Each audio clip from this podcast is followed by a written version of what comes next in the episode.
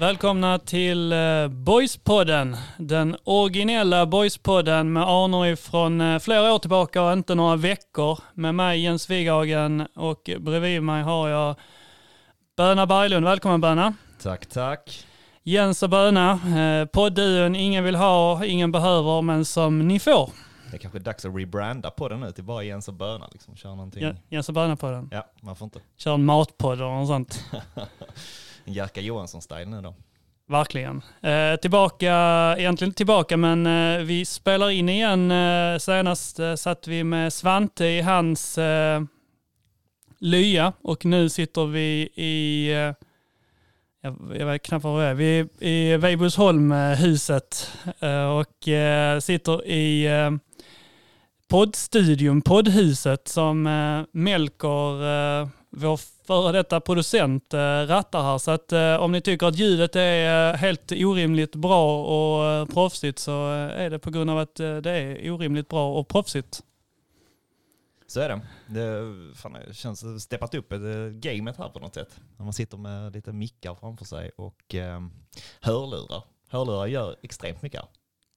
Verkligen. Och vi har eh, en, en gäst här som vi alldeles strax ska bjuda in här också. Och eh, det är ganska säker på att ni kommer att bli eh, glada av.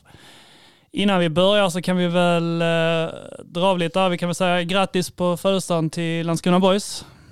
Korrekt. 106 år idag. 106. Jag var lite osäker på åldern så jag pallar inte, pallar inte chansa. Du nickade väldigt tydligt åt mig att det var jag som skulle ta den bollen. Eh, och i vanlig ordning så kan vi väl eh, också gå in här på att eh, som en trevlig födelsedagspresent till Boys så kan eh, vi väl påminna om att eh, bli medlemmar, teckna årskort, gå med i Zebrafonden. Och för den delen så eh, följ eh, Boyspodden på sociala medier, på Twitter, på, eh, på Facebook.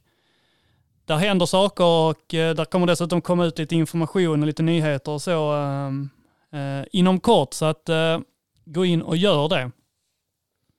Och eh, när vi ändå håller på här så eh, kan vi väl eh, göra en liten shout-out till eh, podden Genomlyssnat eh, som eh, dök upp i vår Twitter-feed här eh, i morse tror jag. Som eh, är en podd som eh, går igenom ditten och datten i lilla Sverige och eh, de, om jag förstår det rätt så gör de små nedslag i delar av Sverige och nu hamnar de i Landskrona, Landskrona Boys och pratar en hel del om Rude Boys och Prebens Pågar. Och eh, där fick du och jag oss en liten shout-out. Jaså, är det så? Jag har inte hunnit se det. Jag ser bara, han, han säger på Twitter att det, det vad heter det? Vi la till oss, eller vad säger man? Ja, Du, oss. du ser generad ut. Ja men nästan så. Jag är lite generad att jag inte har hunnit lyssna än. Jag hade gärna gjort det. Ja, alltså, ja, jag ska säga att jag, jag scrollade igenom, jag ville bara höra biten där om vi, om vi nämndes och eh, vi nämndes. Och sen så lyssnade jag inte jättemycket mer. Men eh, det jag lyssnade på var, var ändå content inom Landskronas eh, världen. Så att eh, för all del så eh, checka igenom det. Det bör väl eh, bli hög tid att eh, hälsa dagens gäst eh, välkommen i studion. Eh, Erik Persson, välkommen. Tack så mycket. Ja, eh, inkilning igår. Du hintade lite grann om att eh, du har mått bättre. Det har jag verkligen gjort. Eh, ja, det blev tufft igår. Men det är som det ska vara på inkilning. Alltså det är ett varmt välkomnande av nya spelare och det kan bli lite hur som helst ibland faktiskt. Du sa att, eh, eller det, det var ju så att det var andra gången du, du gjorde dessutom. Eh, du var ju lite, lite yngre när det var första gången. Om eh, så här, vilken, vilken gång var värst? Det måste nog ändå vara den igår. Alltså, det, alltså förra gången när vi, då var vi rätt många nya då också.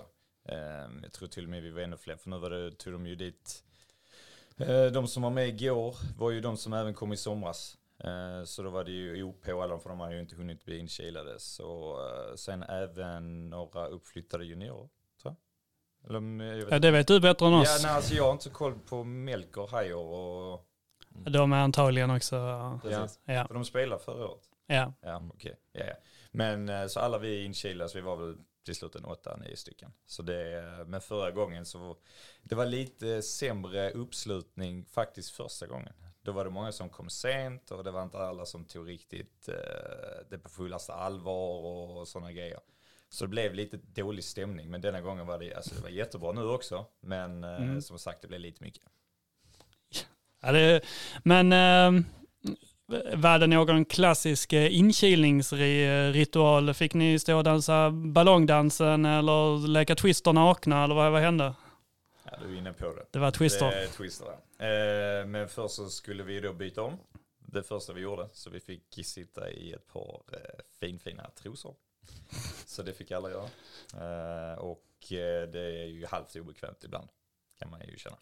Men i alla fall. Eh, vi fick sitta där och så blev det lite utfrågningar om Landskrona och eh, lite sådana här grejer. Och så var det om man var, om man kan säga sämst så fick man ju straff. Och vem var sämst? Jag skulle nog säga att jag och Svante var inte skitheta. Eh, Men vi gjorde det ändå ganska bra. Det, det som jag blev mest chockad över det var väl det här med eh, hur många som faktiskt har var, var i rekordet på Landskrona IP i publikantal. Och det trodde jag faktiskt var 5500. Det var rätt långt ifrån. Alltså för jag, jag satt där, ja, lite överförfriskad så sa jag, vad fan det måste väl varit när jag mötte Malmö för fem år sedan. Det var det ju inte. Så, eh, Historielöst. Precis. Så eh, nej, men man satt ju där och men Svante var bra. Det var väl jag som eh, tyvärr eh, sa vissa svar lite för fort innan vi hann tänka så eh, fick vi skit för det. Du känns som att du är hetare på bollen kanske än vad Svante är där. Du hugger fort. Det går lite för fort. Tänker inte riktigt efter utan bara säger det som kommer upp. Så eh, ja, det var väl så. Men vad får man säga annars? Det skrivs mycket om det här med Skånes Bilbao och hela köret nu liksom i boys att det är många som är liksom lokala spelare. Man ser framför sig att ni skulle vara ett gäng så som Newcastle på typ så 90-talet när de eh, drog ut på stan och gjorde liksom, gjorde en riktig runda liksom det. Ehm, I en vanlig, i, i en coronafri värld så, Precis. så rullar, rullar ju boystruppen ifrån eh, Tycko till Speakers och eh, fyra dagar i veckan. efter träning. ja, exakt. Sju pints. Ja men det kommer det nog bli. Alltså, jag hoppas ju alltså när det väl lägger sig så tror jag det är lätt att vi för det är en jävla skön eh, grupp av människor. Alltså många känner jag ju sedan innan också. Eh, både, alltså då när jag var här sist så är Teke kvar, Måns är kvar, Caddo är kvar, Fille är kvar. Eh, Nacho eh, som är målvaktstränare är kvar, Lasse är kvar fortfarande. Eh, och eh, då Billy.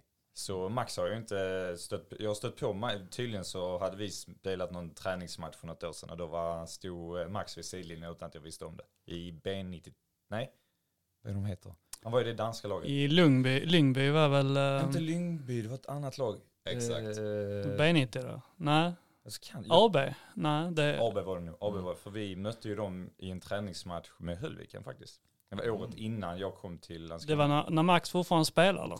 Jag tror precis. Nej, han la av 2013 tror jag han sa. Ja. Eh, och så hade han börjat bli mer som en, för AB, eh, de här var hans sista, jag tror det var sista klubben han lirade i.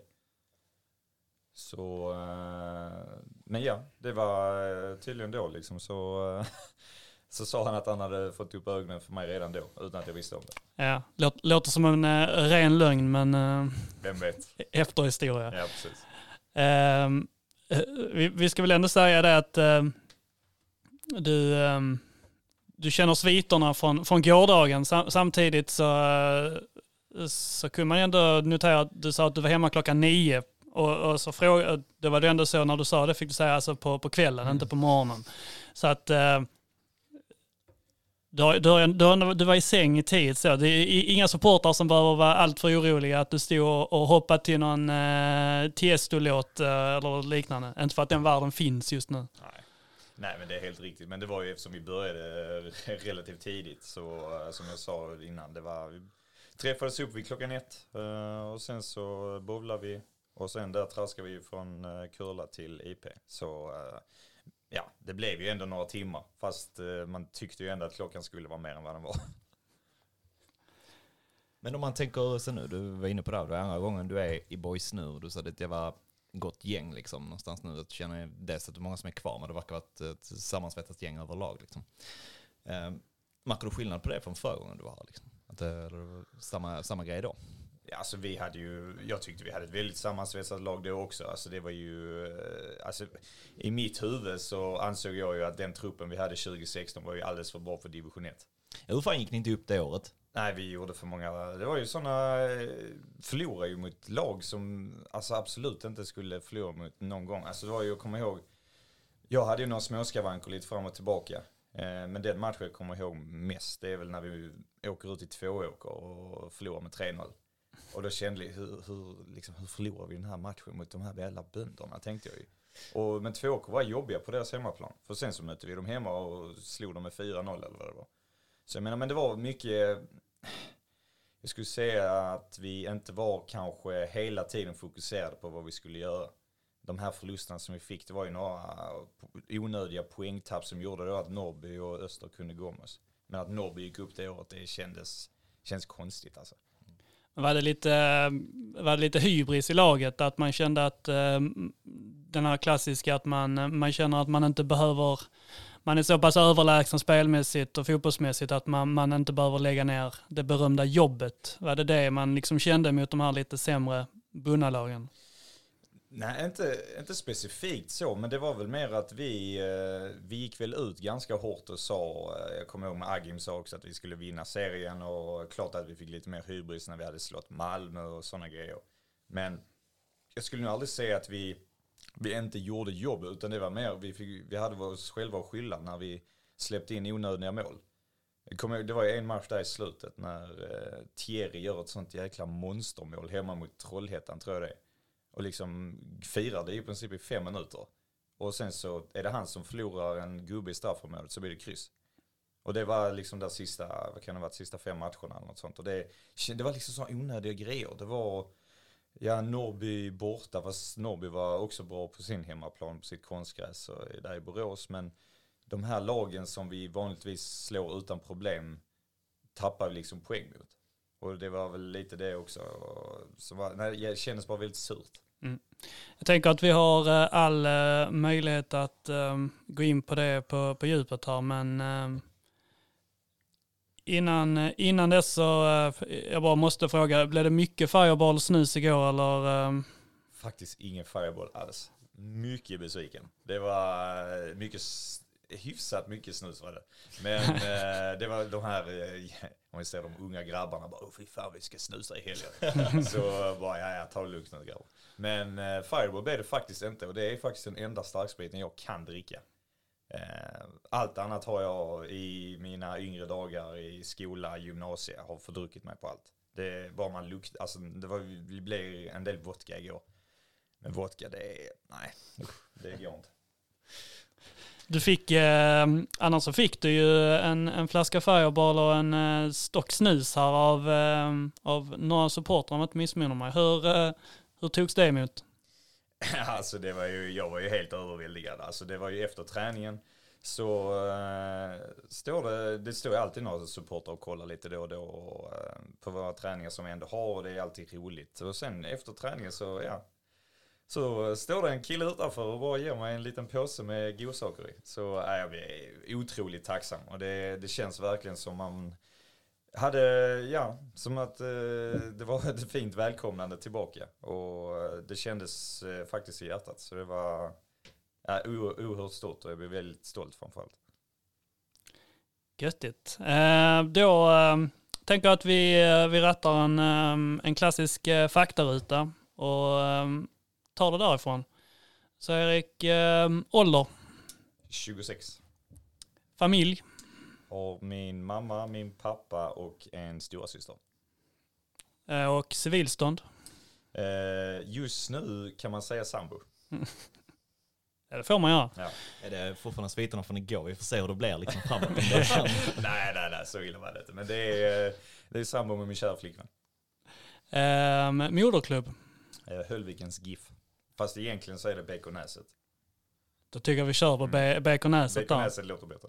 Men då är det din, eh, född och uppvuxen i, eh, i Höllviken eller? Stämmer. Hur, eh, hur, hur var din, din ungdomskarriär? Ja, jag började spela fotboll som alla andra i min ålder där runt, jag kan ha varit fy, kanske fyra började jag. var katastrof. Eh, bara sprang runt och plockade gräs, så brukade alltid pappa säga. Och eh, nej, provade på många olika sporter men eh, den som, det tog ett litet uppehåll där mellan fyra till sex, sju kanske där. Spelade mycket tennis och provade på allt men tennis funkar ju inte det heller. Alltså det är ju, kan ju inte skylla på någon annan. Så eh, det gick ju inte så bra. Men sen så började jag spela fotboll igen. Bytte från Näset till Höllvigens GIF där många av mina eh, polare från klassen spelade och så här. Du behövde ett, eh, ett miljöombyte där, sjuåriga Erik. Ja. Var trött på näset. Precis. ja, det låter ju helt absurt egentligen. Men det är ju, eh, båda klubbarna är ju på samma plats. Eh, som det var en gång i tiden. Är det, den, är det den sammanslagna Höllvikenklubben nu eller hur funkar Höllvikens fotbollen? Vill du höra den historien? Ja, kör. Ja, okej. Det Från början så var det så här att Höllvigens GIF var den enda klubben. Och därför FC Nä, eller BK Näset, eh, FC Näset är ju den klubben jag är i nu. Men BK Näset startade 94. Eh, så det var en relativt eh, ny klubb. Då när jag började spela hade jag bara varit där i fyra, fem år knappt. Men anledningen till att det blev BK Näset var av den simpla anledningen att de som inte var tillräckligt bra skulle ha någon ställe att spela. Så eh, Farmarklubb-ish. man kan säga det eh, faktiskt. Men jag har ju, båda mina två eh, bästa polare har ju spelat från, de spelade, började i BK Näset, körde ända till vi var 10-11. Och sen blev det lite halt att det bara blev ett A-lag och sådana grejer. Men BK Näset från början var ju att Alltså det var lite fram och tillbaka mellan Höllvikens GIF och BK Näset, bråkade lite internt. Och det var mycket så här, man ville inte ha, vara i varandras närhet för att man ville bara ha en klubb i Höllviken. Men så var det en likadan eh, och så var man just på samma ställe och det var det som var lite jobbigt. Det handlar ju alltid med planer och sådana grejer. Så eh, det var väl lite, ha, liten hatkärlek till varandra var det nog. Och hur ser eh, verkligheten ut nu då? Finns Näset kvar till exempel? Alltså BK Näset eh, lades ju ner. Eh, Tor som startade upp klubben gick tyvärr bort eh, 2008 om jag inte missminner mig. Och han var ju den pådrivaren med BK Näset Mm. och höll i allting och var en fantastisk person. Och verkligen brann för, att, eh, för BK Näset och var en av de ljusglimtarna som faktiskt var runt i Höllviken vid den tiden. Eh, Men sedan hans bortgång så var det, det var han och en annan som eh, heter Backagården. Och de två drev klubben ihop och hade allting runt omkring. Men sen när Tor gick bort så blev det ganska så stort ansvar på Backagården. Så eh, ja, man kan väl säga att den lades ner men sen startade en ny klubb upp som eh, hette Näsets FF. Började om, men bara ett A-lag liksom. Höll väl i sig i två, tre år, lades ner. Och sen var det då att det blev en dispyt igen. Fast det var efter att det hade blivit sammanslagningen mellan BK Näset och Höllvikens GIF. För den sammanslagningen gick ihop 2011. Så Höllvikens GIF som A-lag, som var de som spelade i division 2, fast de åkte ner i trean, de blev FC Höllviken. Och FC Höllviken var bara A-laget. Mm. Och det var även där jag eh, spelade sen eh, innan jag kom till Landskrona. Men, och sen själva BK Höllviken blev damerna från Eh, blev ju damerna från Höllvikens GIF. Alltså det är en svår jävla process att gå igenom. Men det handlar mest om att Höllvikens GIFs A-lag blev FC Höllviken, bara A-lag. BK Näset som då kom in via sammanslagningen blev BK Höllviken. Så damerna tillhörde där hela ungdomssektionen, jada jada jada. Och BK Näsets A-lag som då var i fyran, femman blev BK Höllviken. Mm. Så det var lite sådana grejer. Då tror jag att i, mi- i mitt huvud förstår det. Men eh, precis, och så startar man, men då, då körde man FC Höllviken som, eh, då fick det vara mer av en separat förening för att kanske kunna styra det mot toppen lite mer och så fick det andra sköta, sköta bredden. Precis. Men hur, eh, hur länge spelade du eh, ungdomsfotboll i, kvar hemma i Höllviken? Jag spelade till och med jag var 13. Det är året jag fyllde 13, 2007. Så vi hade ett bra lag där, 94-årgången, men kände väl samtidigt att jag var lite trött på att hela tiden springa runt och ha papper som tränare. För det blev lite så här ibland, ja, favorisering och sådana här grejer. Och vi började bli omsprungna av lag. Fick ju stor, alltså vi var ju ändå med i Skånecupen och sådana här grejer när vi var yngre och kom väldigt bra. Men alla andra lagen så det ser ut som att de utvecklas på ett annat sätt. Och tog inte längre in fassorna som tränare utan de tog faktiskt in några utifrån, eh, yngre tränare som ville ta fram fotbollen och då var det antingen att gå till Malmö eller att gå till Husie då. Och mitt val föll på Husie IF som ligger utanför Rosengård. Är liksom Husie en, en klassisk här, man säga, talangklubb i Malmöområdet? Man tänker att de är bra på att få fram spelare eller kom det sig att det var stor mellan Malmö och Husie?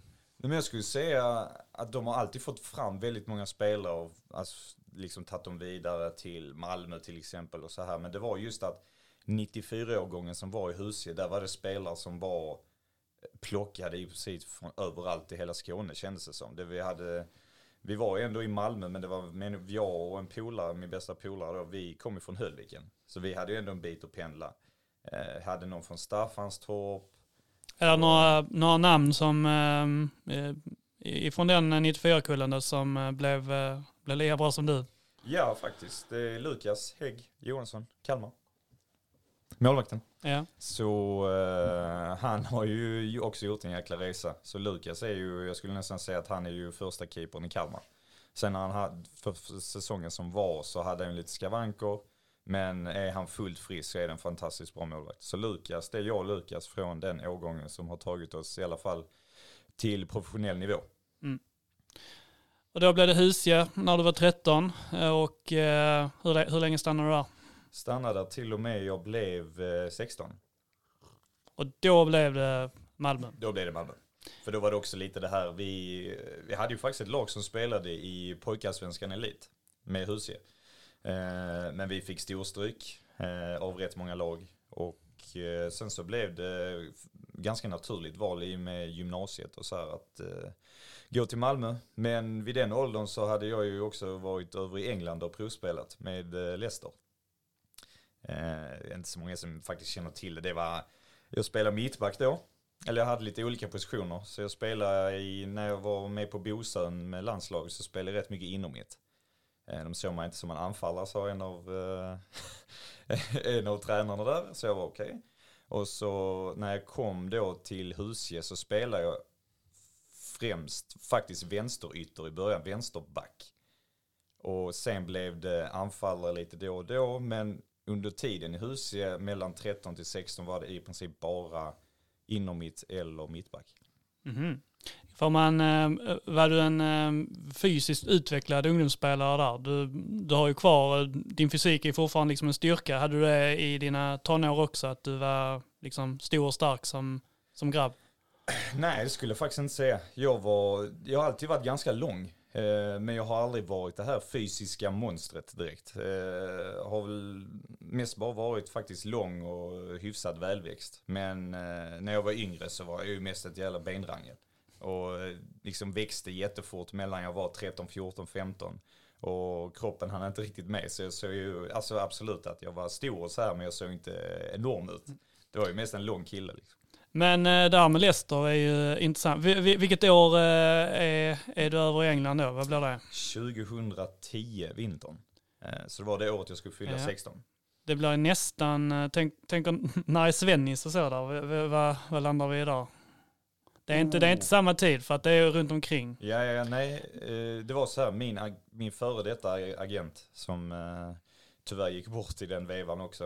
Eh, han hade lite spelare i vårt lag. Han hade framförallt Lukas och Nikola, en annan spelare, som de tränade med i Husie. Han hade åkt ut i Husie för att Nikola hade varit över i Liverpool, han hade varit i lite olika ställen och provtränat och då hade han haft lite kontakt med Nikola, den här danska agenten.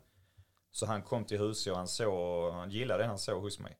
Så eh, kom han hem till oss i Höllviken, träffade mig och pappa. Och vi skrev liksom avtal.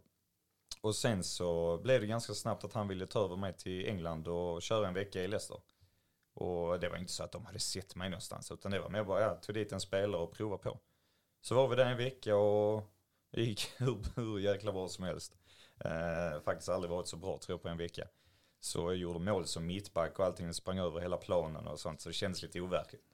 Eh, och sen kommer vi hem och så kommer jag ihåg att jag pratade med mamma det första jag så frågade hon hur gick det? Jag brukar ändå inte säga, för jag, också, pappa har alltid sagt att man aldrig ska vara riktigt nöjd. Men så kom jag hem och jag kände att det hade gått jättebra. Men jag sa, jo, jo men det, det kändes bra faktiskt. Och de orden när jag säger det till mamma, då tänker hon, åh herregud, det måste ha gått jättebra. Så hon blev ju, fick ju nästan lite så, gråt i halsen direkt. Och sen en dag efter så ringer agenten, vi måste träffas. Och då fattar hon. Men jag fattar ju fortfarande ingenting. Jag tänkte bara, ja, jag vill bara ses och typ kolla läget. Så åkte vi ut och så sa han, ja de vill ha dig nu.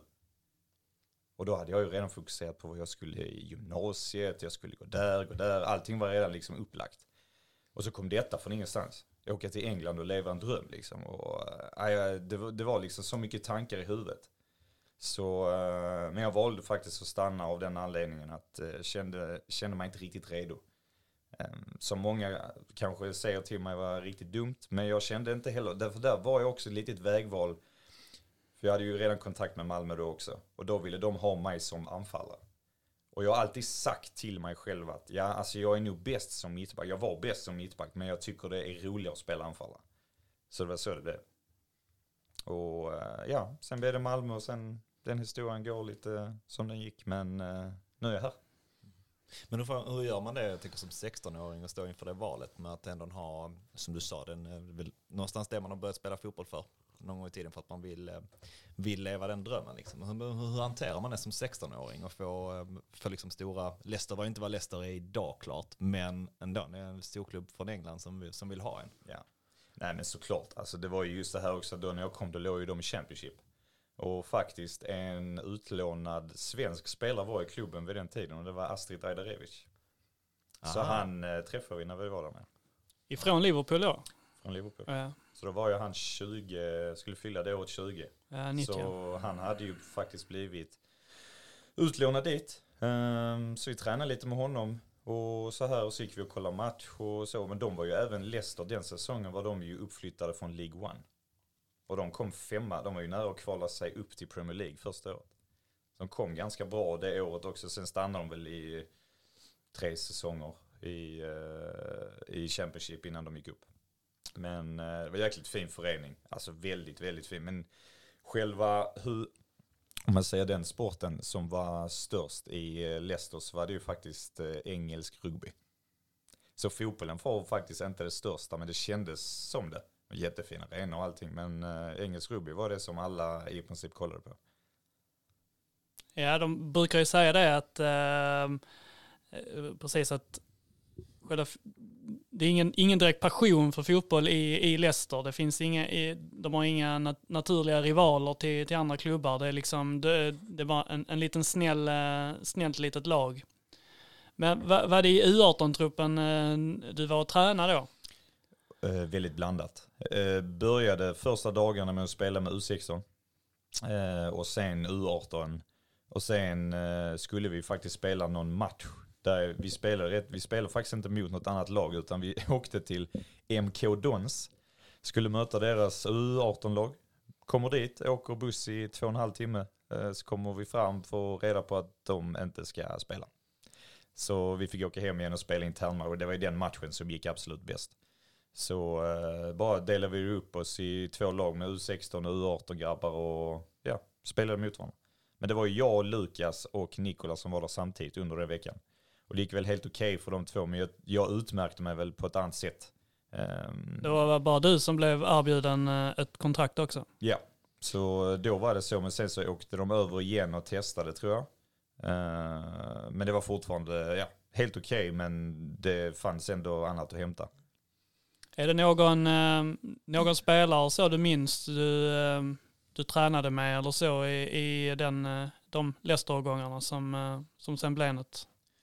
Nej, faktiskt inte. Alltså det, det var väldigt många olika människor. Det som jag slogs mest av var att det var så extremt mycket spelare från Australien. Som hade ändå flyttat dit. Och det var det som kände lite så okej okay, om de har flyttat från Australien utan problem att komma hit och spela fotboll. Då skulle, det var ju de tankarna jag började tänka då när jag kom hem att bara, alltså de har ändå lämnat allting, de har bott på en helt annan kontinent och flyttat till Europa och allt så här. Men det var väldigt många olika, vi hade någon från Rumänien och sådana grejer, Italien och sånt. Men eh, då är det ju, jag tror de, kändes kanske mer redo än vad jag var. För de har alltid liksom sett det som huvudmålet att ja, men jag ska vara härifrån och gärna i tidig ålder. Medan jag såg ju mer provspelet som en eh, nyttig erfarenhet. Och eh, väldigt roligt att bara ha gjort det.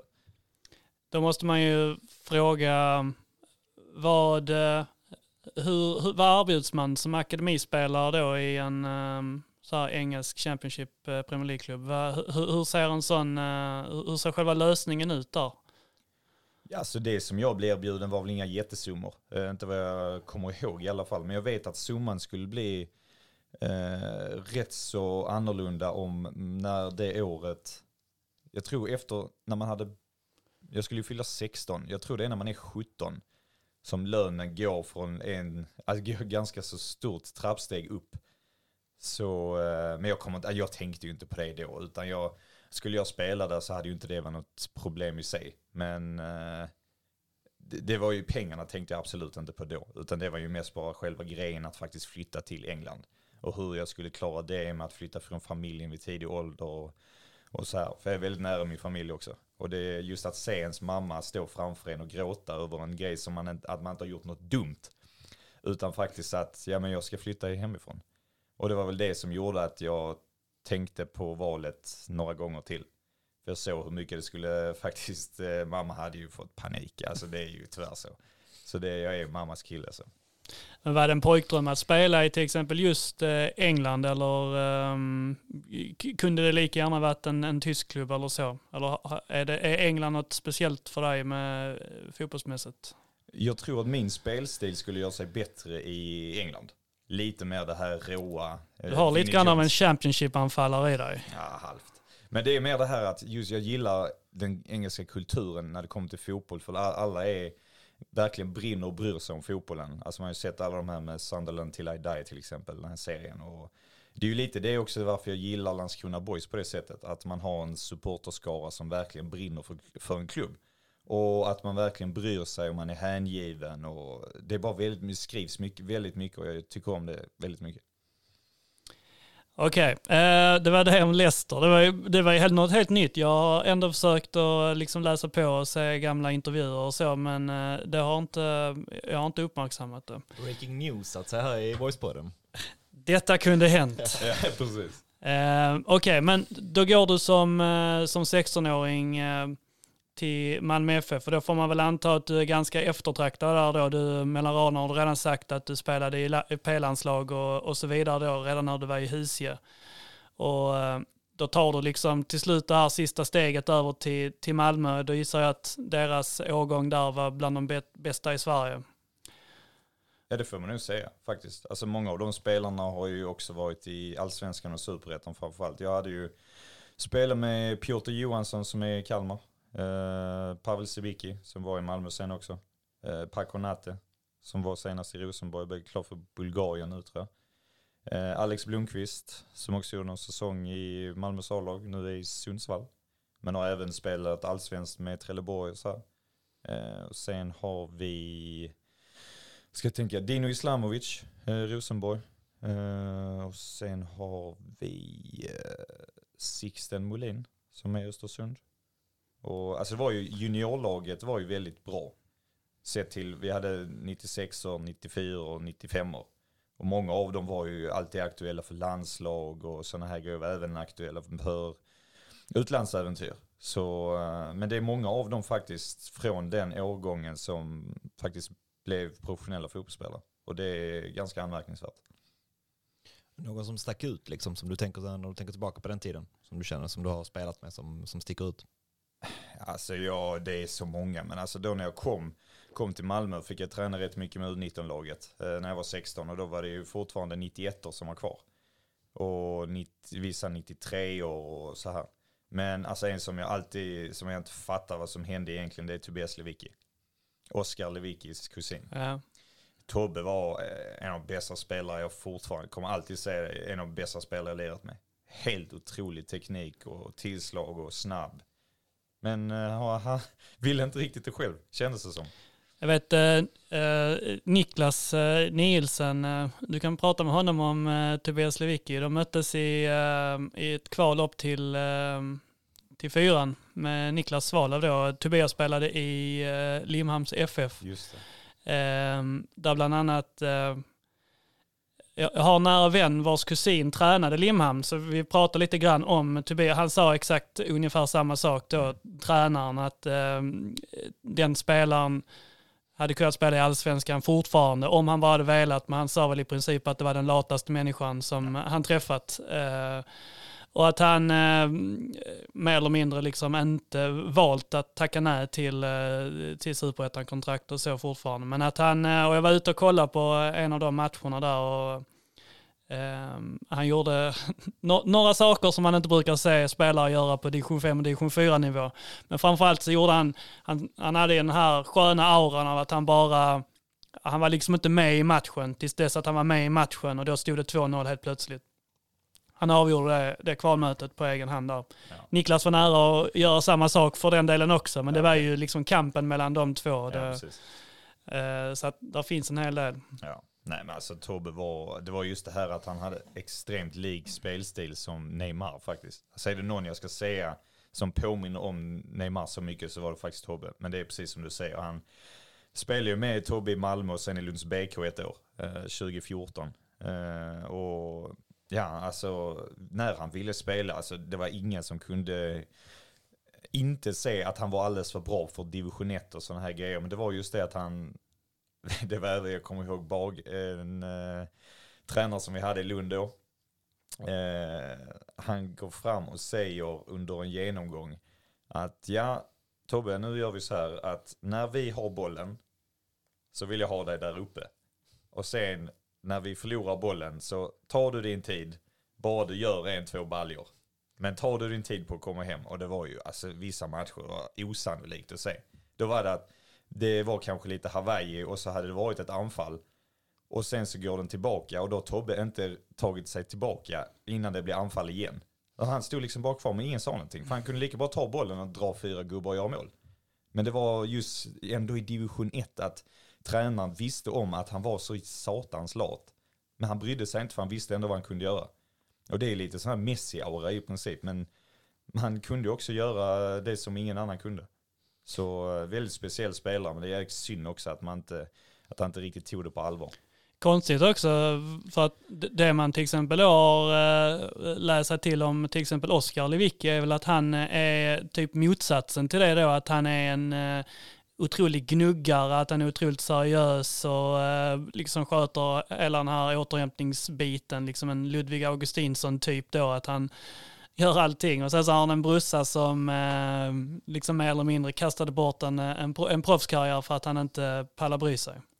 Ja, ja, det är fortfarande många som frågar sig samma fråga. Alltså det är ju många polare till mig som jag har lärt känna genom gymnasiet som var goda vänner med Oskar. Och då var det liksom så här då när han var eh, på väg till Bayern München och allt det här. Så var det att ja, polarna skulle ut och festa men då drog han till eh, Limhamns IP och körde eh, typ burpees. Och körde liksom passningar med sig själv. Så det är lite där man får, då kanske man förstår lite mer vad det är för typ av människa. Jäkla huvud. Och nej men bara, han levde ju bara för en grej och det var ju att bli proffs. Och vill man det, och har du, absolut du måste ju ha lite talang i det också.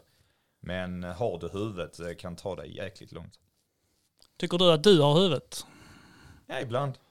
Nej, men alltså jag skulle ändå säga att jag har ju också gått en ganska så krokig väg eh, för att nå dit jag är. Och har ändå spelat eh, proffsspel i Grekland och några matcher i allsvenskan och så här. Men jag skulle väl, jag trodde min väg skulle se annorlunda ut. Eh, om jag skulle vara helt ärlig med mig själv. Men eh, samtidigt så är jag väldigt glad och tacksam. Jag ångrar ingenting som jag har gjort. Det enda jag kan ångra lite ibland är väl att det inte riktigt blev som jag hade hoppats på i Grekland. Där, eh, där jag kom in i en säsong som var rätt tuff. Eh, helt annan typ av fotboll än vad jag är van vid och så här. Men så fick jag ändå spela men hade ju chans att kunna lösa det men satte inte mina lägen. Och då blev det ganska så snabbt att de bytte ut mig mot en annan och, och så. Så det var jäkligt tråkigt. Men Kan du känna att, ehm, att nu är det ändå en ehm, 26, ska fylla 27 då. Kan du känna att du på något sätt eh, har eh, inte maxat ut din, eh, din karriär utifrån dina egna liksom, begränsningar. Att jag kunde ha ätit bättre, jag kunde ha gjort bättre träning, jag kunde liksom kört några extra pass, jag kunde hyrt en PT på min, eh, på min semester. Kan du känna det nu i efterhand att varför gjorde jag inte det när jag var 20? Då hade jag liksom inte behövt ta den här omstarten igen. Eller eh, eller gjorde du de sakerna där? Var du noga liksom med din sömn? Blev det, sket du i kebabrullen efter matchen liksom och käkade din pasta? Alltså, förstår du hur jag tänker? Ja, jag förstår precis hur du menar. Och absolut, alltså, det är ju lätt att vara efterklok också.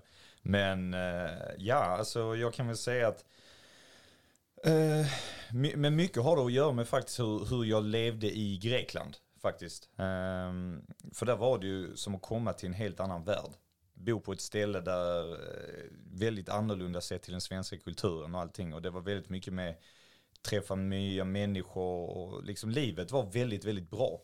Alltså som fotbollsspelare i Grekland var fantastiskt skönt att bo där och bodde jag på Kreta också så det finns ju inget att klaga på. Men jag kan väl säga att jag ångrar ju mest där att jag inte riktigt tränade mer.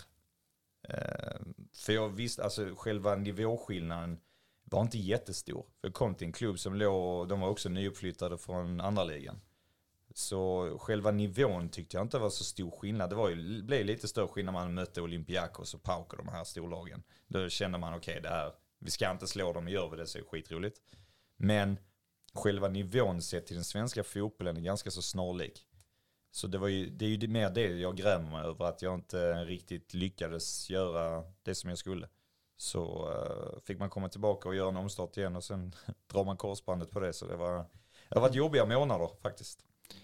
Jag tänker, uh, vi ska absolut prata om den grekiska tiden, den är mm. såklart uh, anmärkningsvärd. Men jag, jag, tänker för, ehm, för lyssnarnas skull att vi, vi försöker hålla någon, någon form av kronologisk eh, tidslinje här så att man, ehm, man, man följer med här. Ehm, vi, eh, vi hoppar vidare lite grann i faktarutan först här. Så, bästa stunden på fotbollsplanen? Som du liksom, en enskilda stund, när har du mått som bäst på en, på en fotbollsplan? Ja, alltså, alltså alla gånger egentligen man har avgjort matcher. Dyker det upp någon sån speciell match eh, när, när du säger det liksom? Nu? Alltså jag har ju rätt många fina minnen när jag var här sist till exempel. Det var många viktiga mål som jag gjorde. Men alltså det är en av de skönaste känslorna, det var nog faktiskt Kristianstad borta. Vi vinner med 2-0. Jag och Dahlgren gör mål. Och så gör jag mål i 70 minuten. Vi hade rätt många supportrar med, kommer jag ihåg. Ja, just det. Eh, och så sprang man ut och firade liksom med fansen. Det var, bara, det var väldigt, fin, alltså väldigt fint ögonblick. För det var verkligen så bara, för då låg vi ganska så bra till också i serien. Det kändes verkligen som, nej fan det här kommer gå alltså. Ja, jag kommer ihåg det. Det blev, eh, precis, vi körde bil till, till den matchen om, eh, om jag får ihop dem, dem rätt i huvudet. Och att det var rätt många supportrar som, ja, ja. som gjorde det då just för att det var liksom, eh, och det var väl sensommar ungefär och sånt. Jag tror precis. jag fick ett, ett brännmärke i min jacka för någon som tände en bengal också. Men det är sånt som händer. Också minnen. Det är också minnen. Det räknas också. Eh, bästa tiden i din karriär? Om vi tänker mer liksom ur ett rent tidsspann. Det var nog Landskrona tror jag. Det, den säsongen var, jag har aldrig känt mig så notorisk någonsin faktiskt. Absolut att jag hade bra säsong det året jag gick upp med Falkenberg. Men eh, det året var väldigt märkligt för att jag var en av de som gjorde mest mål men i slutskedet av säsongen så var jag ändå bänkad. Eh, och, men jag fick alltid hoppa in och så här och det är klart att det var surt. Men det hade ju känts annorlunda om man hade fått starta alla matcher. Vilket jag nu inte gjorde. Så, eh, men ja, det är sånt som händer. Alltså det, det är ju tränaren som bestämmer. Men jag tyckte väl att jag borde spela mer från start än vad jag faktiskt gjorde. I Falkenberg då? Det är, Precis. Mm. Och eh, jag tänker eh, så här, eh, faktaruta också, men eh, mest underskattade egenskap som fotbollsspelare? Underskattade. Alltså jag, jag säger det faktiskt min vänsterfot. Faktiskt, jag säger det. Det är inte många som har sett det, men ibland så eh, får jag mina lägen, jag gör faktiskt mål. Så, men jag har faktiskt inte gjort så många med just vänstern. Men nu, det är ju även mitt vänsterben som är korsbandsskadan. Men jag känner ju att under tiden då när jag fick jobba med mig själv under det året som ändå var, eh, under hela korsbandstiden. Det är ju sånt som jag kan och fortfarande snackar om. Nilsen bland annat också. Men man blir extremt stark mentalt. Eh, och samtidigt att man ändå bygger på sig mycket, alltså man blir mycket mer starkare i de här musklerna som man vanligtvis inte tränar. Just med benen och allting. Man tror ju att ja, så länge jag spelar fotboll så får jag benmuskler. Så är det ju absolut inte. Det är ju mycket med gener och sånt här. Jag menar alla kan inte se ut som Adama Traoré i, i Wolverhampton liksom. Men jag skulle säga att jag fick, under den tiden som jag ändå rehabade i Malmö, att jag fick lära känna min kropp på ett helt annat sätt. Och verkligen se hur, det var ju allting från en träning kunde jag göra hela min vecka. När, eh, när man tränade där och man såg resultaten och allting, man blev ju så euforisk. Jag har aldrig varit så motiverad till att träna fotboll igen. Som man ändå, för det är ju så pass lång tid. Så då när jag, när jag tog på mig fotbollsskorna första gången och var med på en träning, alltså det var, det kändes helt otroligt faktiskt. Det var en sån eh, drömmig känsla. Man bara sprang runt och log på en träning, gick ju skit men det var bara en fantastisk känsla att gå ut och ta, ta på sig skorna, sitta och snacka med grabbarna i omklädningsrummet. Alla de grejerna, känna sig delaktig och så här. Så det är en underbar känsla.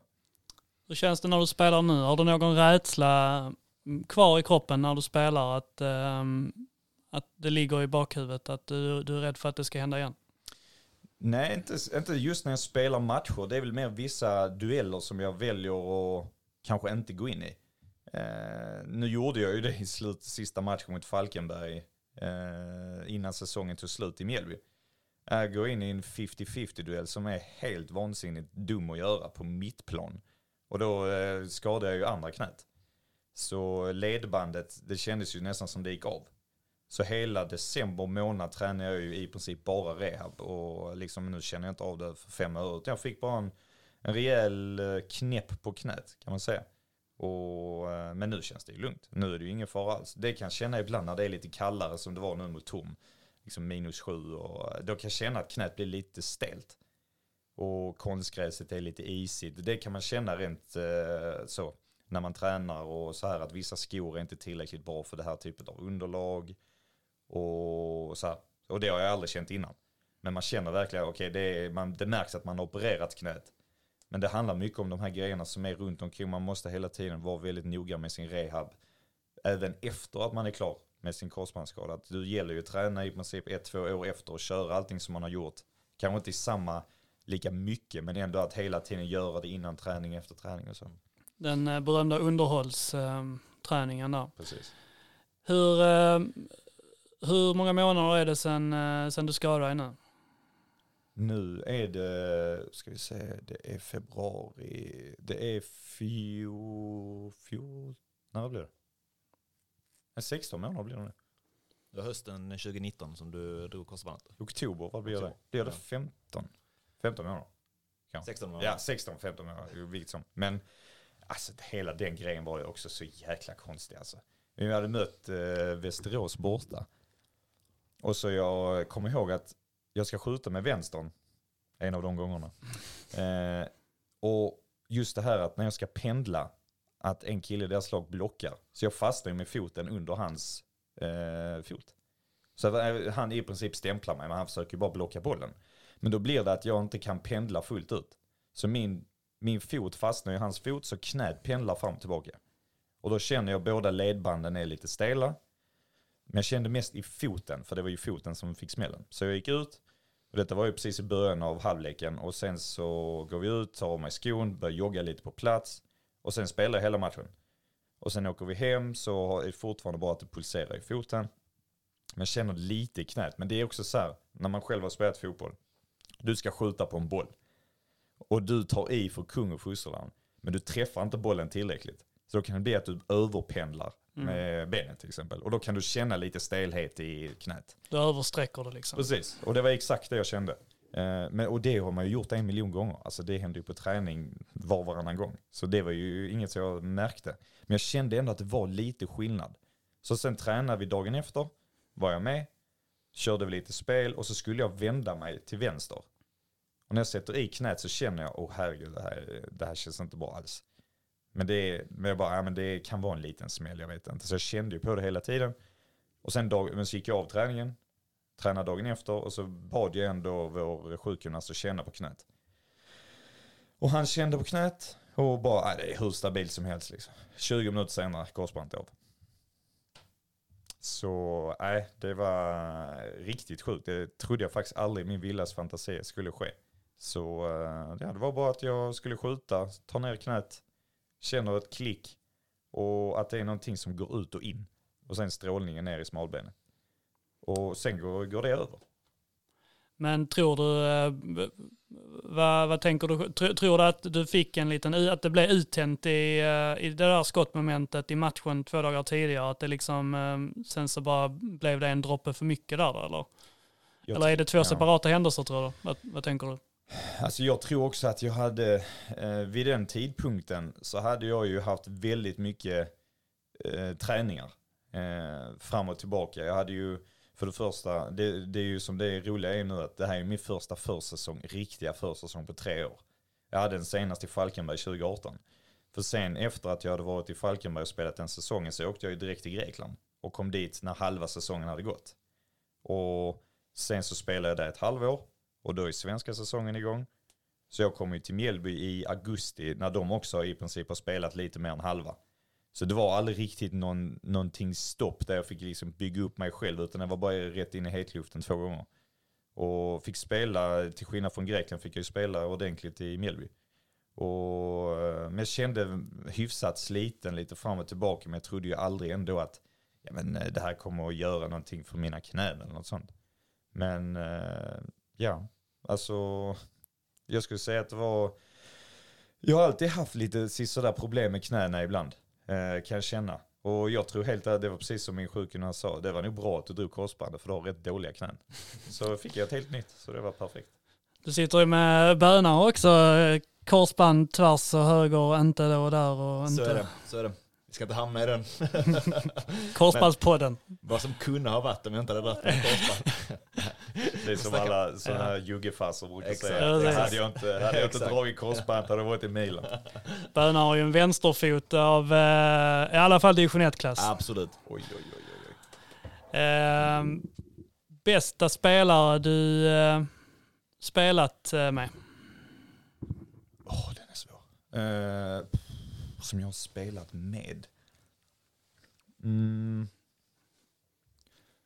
Bästa spelare jag har lirat med. Um, får man välja några stycken eller? Ja men absolut. Ja. The more the merrier. Jag skulle nog säga Levi är en av dem. Uh, Rasse är också en av dem, Alm. Eh, sen även hade jag en engelsman i Grekland, Adil. Eh, fantastisk högerfot, aldrig nästan sett något liknande. Frisparkar och allt sånt, helt sjukt. Men han var ju också rätt lat av sig, det är därför han spelade i Grekland och inte någon annanstans. Han hade- vad man gillar de lata spelarna, precis. lata Det spelgenierna. ska finnas en plats för dem också. Ja. Den här- Ja. Nej, men det var ju just det här, i Adils fall så var det ju extremt. För då hade varit, han var lite småskadad när han kom. Så åker han hem till Birmingham där han var ifrån. Och kommer tillbaka och ser ut som att han precis, alltså, det var något, alltså han var rätt så, han var inte tjock men han var lite så här bebisfet. Och kunde man se liksom, och det var många greker också, många av dem rökte ju och sådana här grejer. Det är det som var lite eh, surrealistiskt för mig. Att känna bara, fan, röker människor i laget sånt? De bara, ja, jag har gjort sen jag var 12. Ingen så. Så, men Adil han åker till England, är borta i en vecka, kommer tillbaka och ser ut som att han äh, gått upp 5-6 kilo. Och allting satt sig på magen. Så man såg liksom bara, du vet det här när han, när han sätter på sig ändå sina tajta träningströjor, en av dem som även är där. Ser du bara magen liksom så. Så han fick ju böter. Jag tror han fick, eh, om det var 5000 i böter för det. För han varit väck liksom och de hade redan klagat på honom lite grann för de såg ju han käka ute hela tiden. Var ju på de här eh, gyros restaurangerna som var, var på gatorna, satt han där och käkade liksom. Men det var även han som räddade kvar klubben i högsta ligan. Okej. Så eh, de var nog, eh, han fick nog en bonus vid sidan om tror jag. Så Levi, Rasse och den här Adil då i... ehm, Ja, alltså det finns jättemånga jag kan säga. Alltså, Någon så. specifik i Falkenberg och Mjällby-tiden där som, eh, som sticker ut? Alltså, ja, åh, det glömde jag helt. Michael Omo, alla dagar i veckan. Herregud vilken spelare det där är. Men, precis, precis som alla andra. Det är Michael, helt sanslös fysik. Teknisk, snabb som skjuter som en häst. Men han, tränaren som vi hade, Milos i Mjällby, han var, om man säger, extremt ärlig och många gånger lite för ärlig mot vissa spelare. Och vissa spelare, han kan inte hantera det. Jag älskar sådana tränare. Lite så Agim aura över det. Eh, att säga till en när det är bra och säga till när det också är dåligt. Och det är just det här att förhållningssättet som tränare att jag tror anledningen till varför Milos inte var kvar till exempel i Mjällby 2020 var av den anledningen att han klagade lite för mycket till tidningar, eh, klagade att människor var för känsliga och så här grejer. Men som tränare fantastiskt bra, men han var alltid ett jobbigt objekt mot Michael. För Mike, alla såg vad han kunde göra och allting, men gjorde inte. Milos ville bara försöka få fram hans bästa egenskaper hela tiden. Och sa det på ett sätt som eh, Michael tog nästan som stötande. Typ. Att liksom, varför säger du bara till mig, varför gör du det, varför gör du Men vissa tränare gör ju också det för de vet vad du kan. Men Michael tog det inte alls så. Så jag satt ju bredvid honom i omklädningsrummet och försökte alltid, jag vet att Milos inte är jättebra på att snacka med dig, men han ser ju det som vi också ser. Han vill bara få ut maximalt av det. Det är därför han ändå, eh, om man säger, håller på med, han var, Milos snackar bara med Michael. Det var liksom, det, det var varje träning, videos, sådana grejer, sådana smågrejer. Han, han tog ju kanske honom ibland som ett litet objekt liksom, att det var det, vi tog ett klipp på eh, video liksom. Och så var det att alla jobbar hem och så är det en som går hem, så var det Michael. Lite så. Men Michael var, det han gjorde, alltså han var ju då när han var i Superettan, han var alldeles för bra för Superettan. Och nu spelar han ju i Israel. Så han gick från, från Mjällby till Rumänien, sen från Rumänien till Israel. Men fantastiskt bra. Nej, att eh, lite mellan raderna att han liksom ingen lagspelare direkt så utan, eh, eller Jo, hårt jo. jobbande eller hur är han som? Eh? Kanske inte hårt jobbande. Eh, mer att det här att varje gång han fick bollen skulle han utmana. Varje, varje, varje, varje gång. Och det var, han hade ju alltid sin patenterade eh, dribbling. Då var det att han drog över en överstegare och sen tjosch var han iväg. Alla visste vad han skulle göra. Det är som Messi, alltid gå in vänster och göra det. Men, eller Robben framförallt. Men eh, det går bara inte att stoppa dem. De är så trygga i det. Och det är det som är grejen när, när det är så pass tekniskt.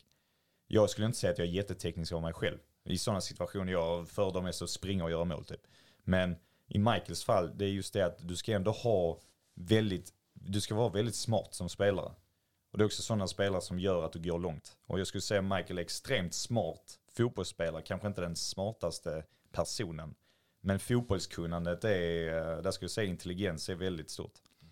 Man måste också, ehm, eh, du, du kan ju inte ha ehm, alla lag måste bestå av olika karaktärer också. Det går inte att ha, ehm, du kan inte ha elva stycken Svenssons som, eh, som jobbar för varandra och springer i en linje och gör exakt så som alla tränare kommer säga till dem att göra. För att då kommer du inte få den där, du kommer inte få det där oberäkneliga, du kommer inte få spetsen, du kommer inte få liksom en Michael som går hem och sen så får han ändå bollen eller för den delen en Tobias Lewicki som liksom inte gör ett skit på 70 minuter och kanske lagkamraterna blir sura så han springer inte, han jobbar inte, han hjälper inte laget. Men sen så är det ju de karaktärerna som, eh, som sen också avgör. Det är de som vinner serier och så vidare. Det, alla klyschorna stämmer ju trots allt. Och det är väl som tränare är det väl en av de, eh, de svåraste uppgifterna att eh, få dem integrerade i, i laget på ett sätt som där du liksom får med de här Svensson-figurerna också som liksom också behövs men också att du får med de andra figurerna som, som kan vara med och avgöra. Och där,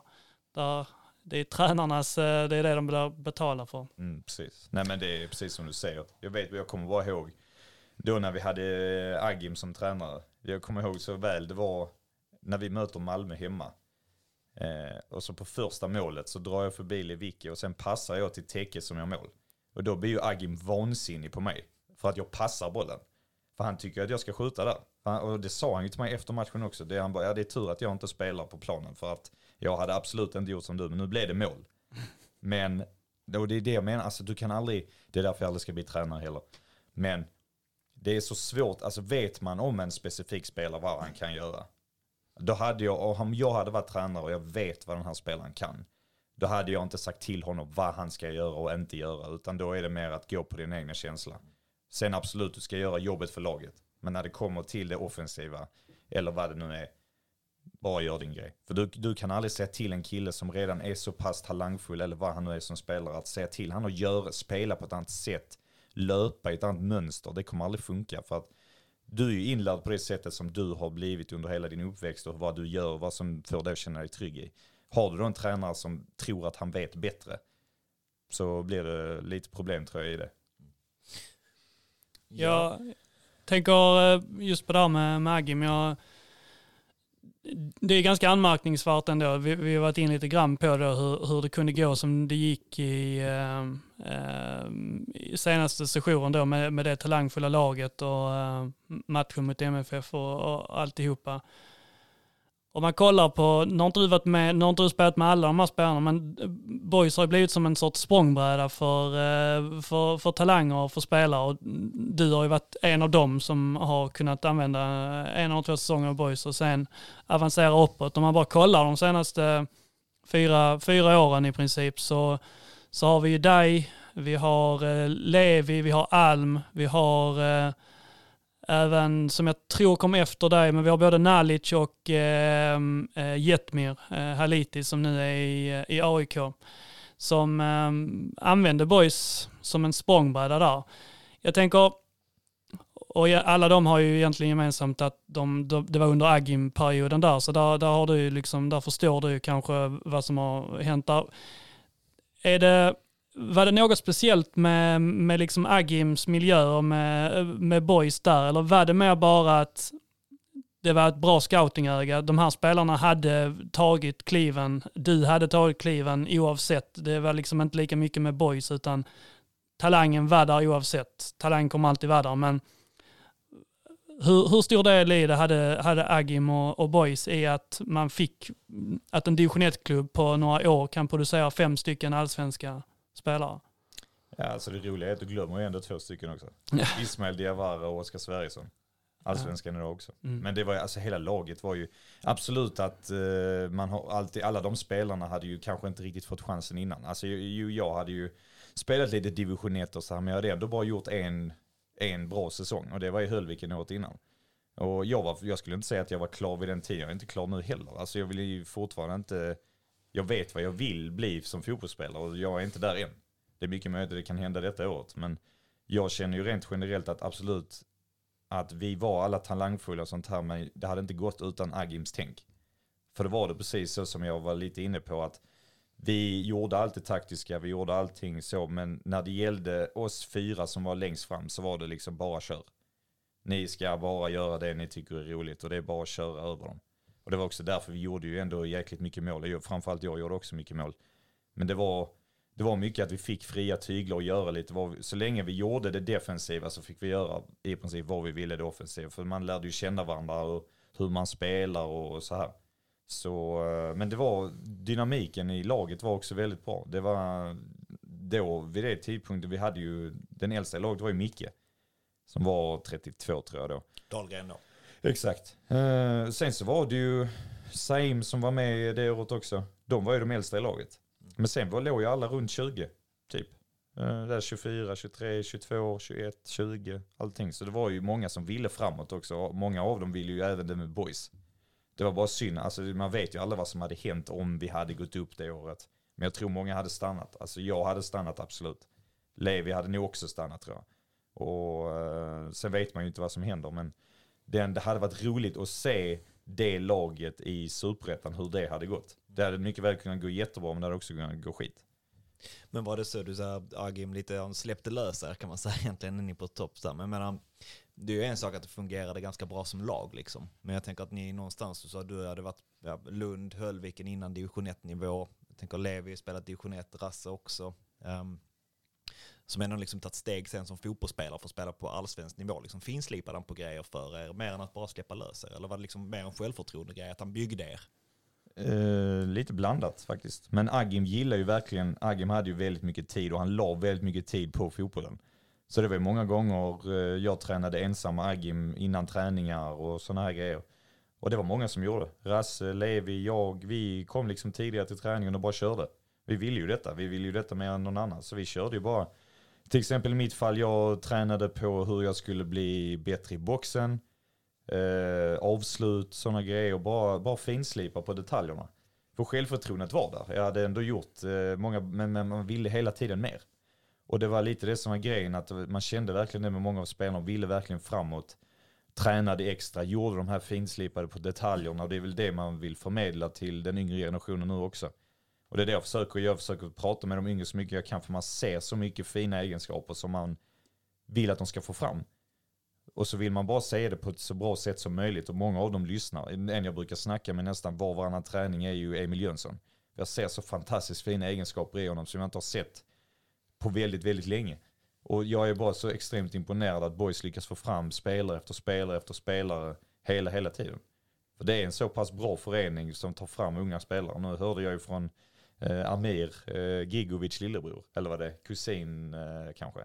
Som är tydligen en av de bästa som han har sett någonsin. Så det var kul att se dem också om de får chansen att testa på. Men vad det liksom för, tycker vi var inne om, när du kommer till Boys då, um, är det Agim som liksom får dig att komma till Boys? Eller hur första gången du kommer hit? Vad är det som liksom får dig att välja Boys där då? Jag tänker att du har gjort en bra säsong med Höllviken innan. Um, det finns, fanns säkert fler erbjudanden än bara Boys liksom. Eh, alltså jag kommer bara ihåg den första som tog kontakt med mig. Det var efter att vi hade mött Landskrona på Höllvikens IP. Där jag avgör matchen 3-4. Eh, mm. Ja. Jag kommer ihåg det, det var lite hetsigt. Då. Ja det var det. Det var framförallt Dino som hetsade med supportrarna. så det, ja, jag och Dino är väldigt bra vänner. Liksom. Dino som sen spelar i Boys också. Precis, precis. Uh, nej men alltså jag kommer ihåg efter den matchen så ringde faktiskt, uh, uh, hjälp mig nu, tränaren. Eh, Svestan då? Svestan. Svestan ringde mig efter matchen, eh, dagen efter. Och sa liksom hur min situation ser ut inför nästa år och så här. Och ville... Jävla power move. Ja, precis. eh, för det var liksom så. Jag Agent, det bryr jag mig inte om. Nej, precis. Nej, men det var liksom bara Svestan. Jag, vi hade ett jättebra samtal och så här. Och det är klart att jag var sugen redan då. Det var ju i, kan det ha varit, vi mötte där i oktober. Det var rätt sent i alla fall. Ja, det var rätt sent. Men han fick ju kicken bara någon vecka efter det. Så då trodde jag ju att det var kört. Då blir det inget boys. Då blir det... Jag hade inte så många erbjudanden faktiskt. För jag hade ju ingen... Jag hade inte Nima vid den tiden heller. Utan jag hade en agent som mest jobbar som advokat. Så det var som att man skulle springa upp med Wilstrand vid sidan om sig. Typ. så, men alltså Stefan Tryckt. då som jag hade, Stefan var ju fantastisk när det gällde avtal och allt sånt här. Det var ju, alltså Stefan har ju väldigt mycket att tacka. Men rent generellt fotbollsmässigt så kan, var väl kanske inte Stefan den som syntes överallt. Han hade ju trots allt ett heltidsjobb som ändå tar rätt mycket tid. Ehm, men Stefan har hjälpt mig jättemycket, hjälpt mig till Falkenberg och sådana grejer. Så, men tills den punkten, till jag var 23, så hade jag i princip bara levt på att jag hade spelat bra fotboll. Så tränarna och sportchefer ringde till mig specifikt. Och det var inte genom någon annan, utan de hade lyckats få rätt på mitt nummer och sen ringde de. Mm. Så, eh, men där med Landskrona så var det ju, Först Vestan och sen så var det faktiskt Hjälte som ringde mig bara någon, vad kan det ha varit, någon dagar efter att de hade sagt upp Svestan så ringde Hjälte mig och vi träffades ju, jag blev ju signad rätt så snabbt mm. efter att säsongen var över. Uh, så då, ja, det var ett klockrent val för mig och det var jävligt roligt att bara komma till en, alltså jag har aldrig känt av det här riktiga, jag har ändå spelat i lokallag där det inte är jättemycket supportrar och då komma till en klubb där det första som händer i princip är att jag hade ju lagt ut den här tweeten med Fireball och lösnus. Så att den helt plötsligt blev, eh, alltså jag kommer bara ihåg mitt Twitterflöde har ju aldrig riktigt varit levande innan jag kom till Boys. Så Twitter för mig blev mycket roligare när jag kom till Landskrona för då fick jag ett helt annat intresse. Människor skriver och sådana här grejer vilket är skitroligt. Så uh, det var väldigt, det var, jag kommer ihåg, jag och Levi började använda Twitter rent, ganska, så, ganska så mycket vid den tiden. För det blev lite mer så här sociala medier, man skojade med varandra och så. Det verkar som, nu, när du beskriver det så också, att eh, är, är det den tiden, tror du att det kommer alltid vara den tiden som du, den här första nu, egentligen oavsett hur, hur din karriär går, kommer du alltid se tillbaka på, på den tiden med, med de här ögonen? Att eh, det var liksom någonting speciellt just det här med, med åldrarna och med att ni alla är lika gamla, att det blev som det blev sen liksom att det var så mycket talang i laget och den gick dit och den gick där och att man liksom man gjorde den här säsongen, otroliga toppar och några dalar och sen så, så, så spreds man ut, ut i världen där. Men eh, att, eh, att man liksom kollar tillbaka på, på den här årgången. Har du liksom någon, någon relation eh, med till exempel med spelarna? Hur såg din relation ut till det här laget efter säsongen eh, gick där och ni försvann? Ja, alltså många av de spelarna som kom då, den enda som jag hade spelat med innan jag kom till Landskrona var ju Sverigesson. Jag hade spelat med honom i Lund. Mm. Jag tror Sverigesson kom från Lund. Det, ja, nej, han har nog kom från Norge tror jag. Han var, vi var i Lund 2014 och sen tror jag han var en vända i Norge och sen kom han tillbaka och så blev det boys. Eh, Men Oskar var den enda som jag hade spelat. Sen så kände jag ju till Rasse. Vi säkert mötts någon gång när vi var yngre. Ehm, och Caddo kände jag igen för vi är lika gamla. Men aldrig spelat med eh, så specifikt. Men gruppen, eftersom vi var många i liknande åldrar och många ville framåt och det var ju inga skygga grabbar på det sättet alls. Så vi fick ju jäkligt bra, alla, alla tyckte om varandra väldigt mycket och det var det som gjorde att vi blev också starka. Så, men det är klart av de som jag har kontakt med idag så är det ju snackar ibland med Rasse men snackar väl mest med Levi. Då när vi brukar vara lediga så brukar vi träffas många gånger under julen och så här. Så det är en jävla skön, rolig prick alltså. Det finns få som honom alltså. Såg du till exempel med Levi där, eh, kände du det så fort eh, ni, ni började spela så att här är, här är någonting speciellt eller tog, tog det tid för honom att, att blomma ut för dig också? För jag antar, eh, du hade ingen direkt koll på, på honom när ni då började den här säsongen ihop. Hur eh, märkte du själv där eh, liksom tidigt eller eh, var det, blev du till exempel överraskad när du sen såg att han var i, i Rosenborg eh, något år senare? Nej, alltså absolut. Alltså i början kan man väl säga att det är svårt att... Det är klart att man märker av vissa som sticker ut på träningar och så här. Men i Levis fall så tog det ändå, han blev lite bänkad där i början och Agim ville ju få ut mer än vad han fick. Så då blev det ju att Levi, vi hade några diskussioner, jag och Levi, där jag tyckte han skulle passa mig bollen oftare och sådana här grejer. Men samtidigt sen, desto längre säsongen gick där, eh, när vi kom till sommaren, då, då hände någonting. Det var Ja. liksom som att det bara pff, gick liksom spikrakt uppåt och sen går han till öster och på försäsongen så bara ser jag massa mål som han gör. Så det var absolut inte konstigt att han sen ändå gick vidare till eh, Rosenborg.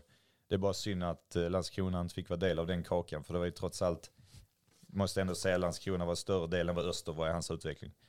Han gör väl ett halvår öster innan de liksom eh, pröjsar upp mot 10 mil för honom något sånt. Ja, Eller- 10 miljoner, det Jo. trodde vi, vi trodde det var den siffran men det eh, hade det varit den siffran så hade det ju varit eh, den största i Superettans Ah, historia tror okej, jag. det var inte så mycket. Nej men det var det ju... snackades om det, kommer jag ihåg då. Ja. Ja, jag kommer också ihåg, jag blev ju helt bara 10 Ja. miljoner. Men det var ju, jag tror runda slänger fem. Ah, okej, helt Men det är fortfarande Oavsett.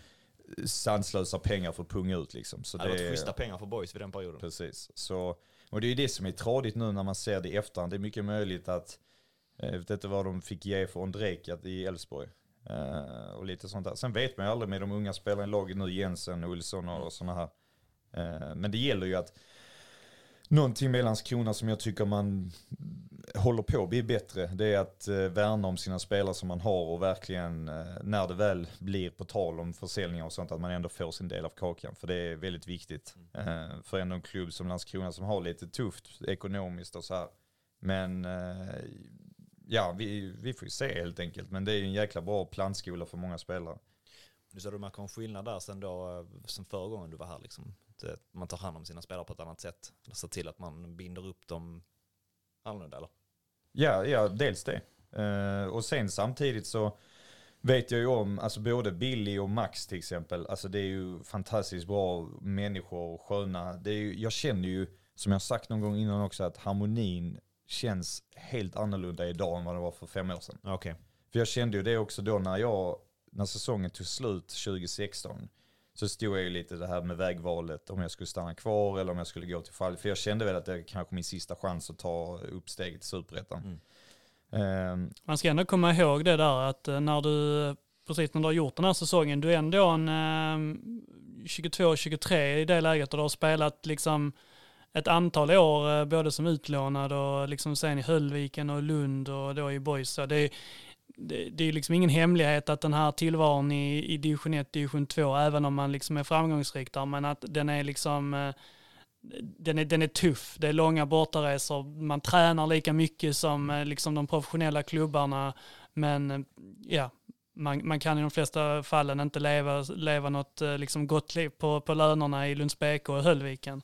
Så på ett sätt, man, man förstår ju liksom att, att man vill ju inte vara i, i division 1 antar jag som eh, där. Framförallt inte när man har varit där eh, de åren redan liksom. Nej, precis. Nej, men det är som du säger. Alltså om man säger division 2 är ju den bästa serien för unga spelare. Absolut, utan, utan snack. För att då är det, då är det lite så här att du är ju i en liten gråzon kan man säga. Att du säger, alltså jag önskar ju att jag spelade division 2 mycket tidigare än vad jag gjorde. Att man kanske sket i några år i juniorlaget och fokuserade på seniorfotboll direkt. Mm. För eh, det är så stor skillnad, alltså du kan ju, man, det är klart man kanske har lite hybris när man springer runt och spelar i MFFs U19-lag. Och så ringer det division 1 och 2-klubb och man tänker, ah, vad fan är det liksom? Det är ju ingenting. Och så kommer man dit och så känner man direkt, herregud det är en helt annan sak. Just att spela Mm. seniorfotboll, det är så stor, stor skillnad. Så jag skulle säga, alltså det är någonting som jag försöker råda om alla unga spelare som är lite där. Ska man fortsätta juniorlag eller ska man gå till senior? Och jag tycker alla dagar i veckan man ska, om man är där 18, 19, 20, spela seniorfotboll så tidigt som möjligt. Och då är division 2 en fantastisk grej. Tycker du att till exempel MFF med sina, som har de här framgångsrika årskullarna, deras J-lag är i princip alltid en av um, spelare i slutspelet i, uh, i juniorsvenskan elit och så vidare. Tycker du att de borde jobba liksom mer av uh, någon form av så här brittisk modell där man lånar ut sina, sin, sina 18-åringar för att spela division 2 istället då? Och liksom missar uh, så att säga juniorrollerna. Jag tycker, de, Malmö var ju nära att göra det med LB07. Jag har ingen aning vad som hände, men de ville ju försöka göra någon sån här, lite som HIF också håller på med. Och Hammarby har gjort det nu med Frej. Precis, och jag tycker det är en fantastisk grej. Eh, alltså jag gillar, jag stöttar det som satan. För att har du inte, om du inte får den speltiden som du ändå behöver när du är i den åldern, så behöver du ju det och då är det absolut inte dumt att gå ner en serie eller två eller vad det nu är. För att ändå testa på och känna hur det känns och gör du bra ifrån dig där, det är inte skrivet i sten att du behöver gå tillbaka till samma klubb. Utan kan du göra, gör du en som anfallare i division 1 eller 2 och är runt 18-19 och gör 20 baljor på en säsong. Alltså det är ju mycket möjligt att en annan bättre klubb vill ha dig. Och då, det öppnar ju andra möjligheter, det öppnar andra dörrar och på det sättet. Märkte du av det när du gick eh, från, eh, från MFF som junior så att eh, har man en sorts stämpel på sig när man dyker upp där som en 18-åring från eh, Malmö, 19-åring från MFF och man har liksom eh, man har spelat eh, slutspel i juniorallsvenskan och så och sen så kommer man ut i den verkliga verkliga världen då och så ska man möta Tvååker på bortaplan då. Känner du att har man liksom en liten, har man en måltavla på ryggen när man kommer där och så ska man möta Stefan 33 liksom som har spelat 300 matcher men han har aldrig spelat över division 1. Är, Ja. det, är det ett uppvak man får då som juniorspelare? Ja, det skulle jag säga. Uh, av den anledningen också att man måste veta vad man ger sig in på. Precis som du säger, Stefan 33, lagerarbetare eller vad han nu är. Han vet ju precis vad han ska göra. Och du kommer dit och du tror att det ska vara med dans på rosor, men det handlar så mycket om... Alltså han kan ju vända upp och ner på dig 19 år liksom och bara ge dig en smäll direkt. Men uh, jag skulle ändå säga att när det kommer till, det är ganska stor skillnad mellan division 2 och 1. För då, precis som vi snackade om, att spela i division 1 är ju ingen dans på rosor heller. Men det är just att man är lite det här att man är typ semiprofessionell fotbollsklubb. Och det står väldigt mycket på spel. Det kan, du kan ju gå upp i superettan, helt plötsligt blir det andra möjligheter. Och det är ju där division 1 spelar ju också väldigt många unga spelare, men samtidigt så är det många som är Ja, de har sina jobb och så kan de ändå spela division 1 för de vet om att de håller på den nivån men de kanske inte vill ta det ett steg, Eh, ett steg högre. Så, eh, men division 1 är en svår serie, det är också en jäkla mellanserie. Det är ju inga ingen pengar alls i princip. Man spelar, man tränar som en elitfotbollsspelare. Du måste ha ett jobb eller vad det nu är vid sidan om och det är väldigt påfrestande. Det är mycket, det är långa dagar. Det är, så det är klart att man, hela målsättningen är ju alltid att man vill ju kunna leva på sin fotboll och göra det till ett arbete. Och det, är ju, det var ju lite det som jag såg som min, eh, om man säger som mitt mål. Att jag vill kunna leva på detta så mycket som det går och, och kanske göra någonting vid sidan om. Liksom nu pluggar jag ju samtidigt och det går ju hur bra som helst med tanke på hur vi tränar. Och nu är allting över Zoom. Så det är ju mycket hemifrån och så här. Men det är ju lite det, jag hade väl önskat att vi får gå till skolan snart. För inlärningsprocessen är på ett helt annat sätt när du väl är där. Än vad du är när du jobbar hemifrån. Det blir lätt att man gör andra saker och så. Just det tänkte jag också fråga dig om. För att jag läste någon intervju nu när du, när du till slut eh, skrev på för Boys så nämnde du att eh, du bland annat ska börja plugga och att det liksom passade bra eh, logistiskt och antagligen också att du, du liksom kände klubben så du börjar du börjar på ett sätt inte ifrån noll utan så man har kanske lite startkapital att jobba med. Samtidigt så blir det ju liksom att man då får du ju nu ska du börja liksom plugga. När du lämnade Boys eh, senast så hade du ju världen framför dina fötter. Du gjorde ju såklart succé kan man väl nästan säga då. Du, du är med och skjuter upp Falkenberg till, eh, till allsvenskan och sen så tar du steget till Grekland, du blir utlandsproffs och sen så efter det så liksom är det lite, lite mörker och så fick du din, du gjorde dina allsvenska matcher i alla fall men nu, nu faller du tillbaka liksom och lite grann börjar om är det lite grann, kan man se det som ett litet tecken på att du, du har mognat och att du tänker att så, jag kanske inte kommer bli liksom, detta blir kanske min fotbollskarriär så, jag blir kanske en superettanspelare. Har jag tur så blir jag kanske en duktig allsvensk anfallare också. Eh, snarare än att du drömmer som man kanske gjorde när du var ung, att så jag ska ut, jag ska spela i Bundesliga, jag ska till Danmark, jag ska tjäna pengar. Är det liksom den, är det, hur gick dina tankar där? Är det det du har tänkt nu eller är det någonting annat? Eh, ja, det är ju mycket som du säger. Det, det var klart att framtiden såg rätt så annorlunda ut för fem år sedan. Det var ju, eh, man tänkte ju bara, siktade ju bara mot stjärnorna hela tiden. Och det är väl klart att ja, för två år sedan så var man i Grekland Liksom så, då satt man där och drack kaffe liksom på Kreta. Så det är klart att, men verklig, verkligheten hinner ikapp en väldigt fort också i fotbollen. Det går väldigt snabbt. Och är man då borta ett år, ja då är det jobbigt. Så, så illa är det. Så, men om man säger så här att det är väl klart att jag har mognat med väldigt mycket under de här fem åren ändå. Jag har ändå samlat på mig extremt mycket erfarenhet och ändå varit i tre olika klubbar. Och eh, jag är väldigt tacksam över var jag har varit någonstans och på det sättet. Men samtidigt absolut, då när jag var i Landskrona sist så pluggade jag också, då pluggade jag i Helsingborg. Eh, började på den här service management med logistik och så, men kände väl inte riktigt att jag var 100% dedikerad i det just då, vid den tidpunkten. Jag tänkte ju i princip bara på fotboll hela tiden, så plugget blev lite som en vid sidan om-grej. Ja, det går som det går, men jag bryr mig inte så mycket egentligen, utan det är bara fotboll, fotboll, fotboll hela tiden. Men så nu när man ändå har, eh, ja, blivit lite till åren så eh, måste man ju också tänka vad som händer vid sidan om fotbollen. Så eh, det är så jag har tänkt. Hur, eh, hur, hur tänkte du egentligen då nu när du blev, när det blev boys? Var, var det ett, ett lätt beslut? Vilka, vilka klubbar stod du emot och vad, vad vägde för och vad vägde emot? Nej, det var faktiskt därför jag mycket tacka Billy och Max, men även faktiskt min flickvän.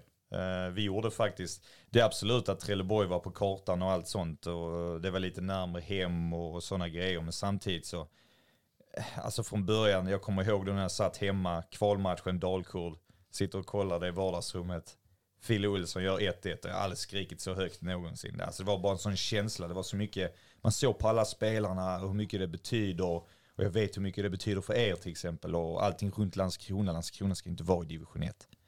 Så Ja, jag bara tänkte där. Eh, rent då så visste jag att jag skulle till Landskrona. Sen var det mer bara att vi, eh, ja vi förhandlade lite fram och tillbaka. Men de som var väl främst, det var eh, Trelleborg och Landskrona, men det var ett väldigt enkelt val till slut. Hade ni haft kontakt liksom innan den kvalmatchen där också?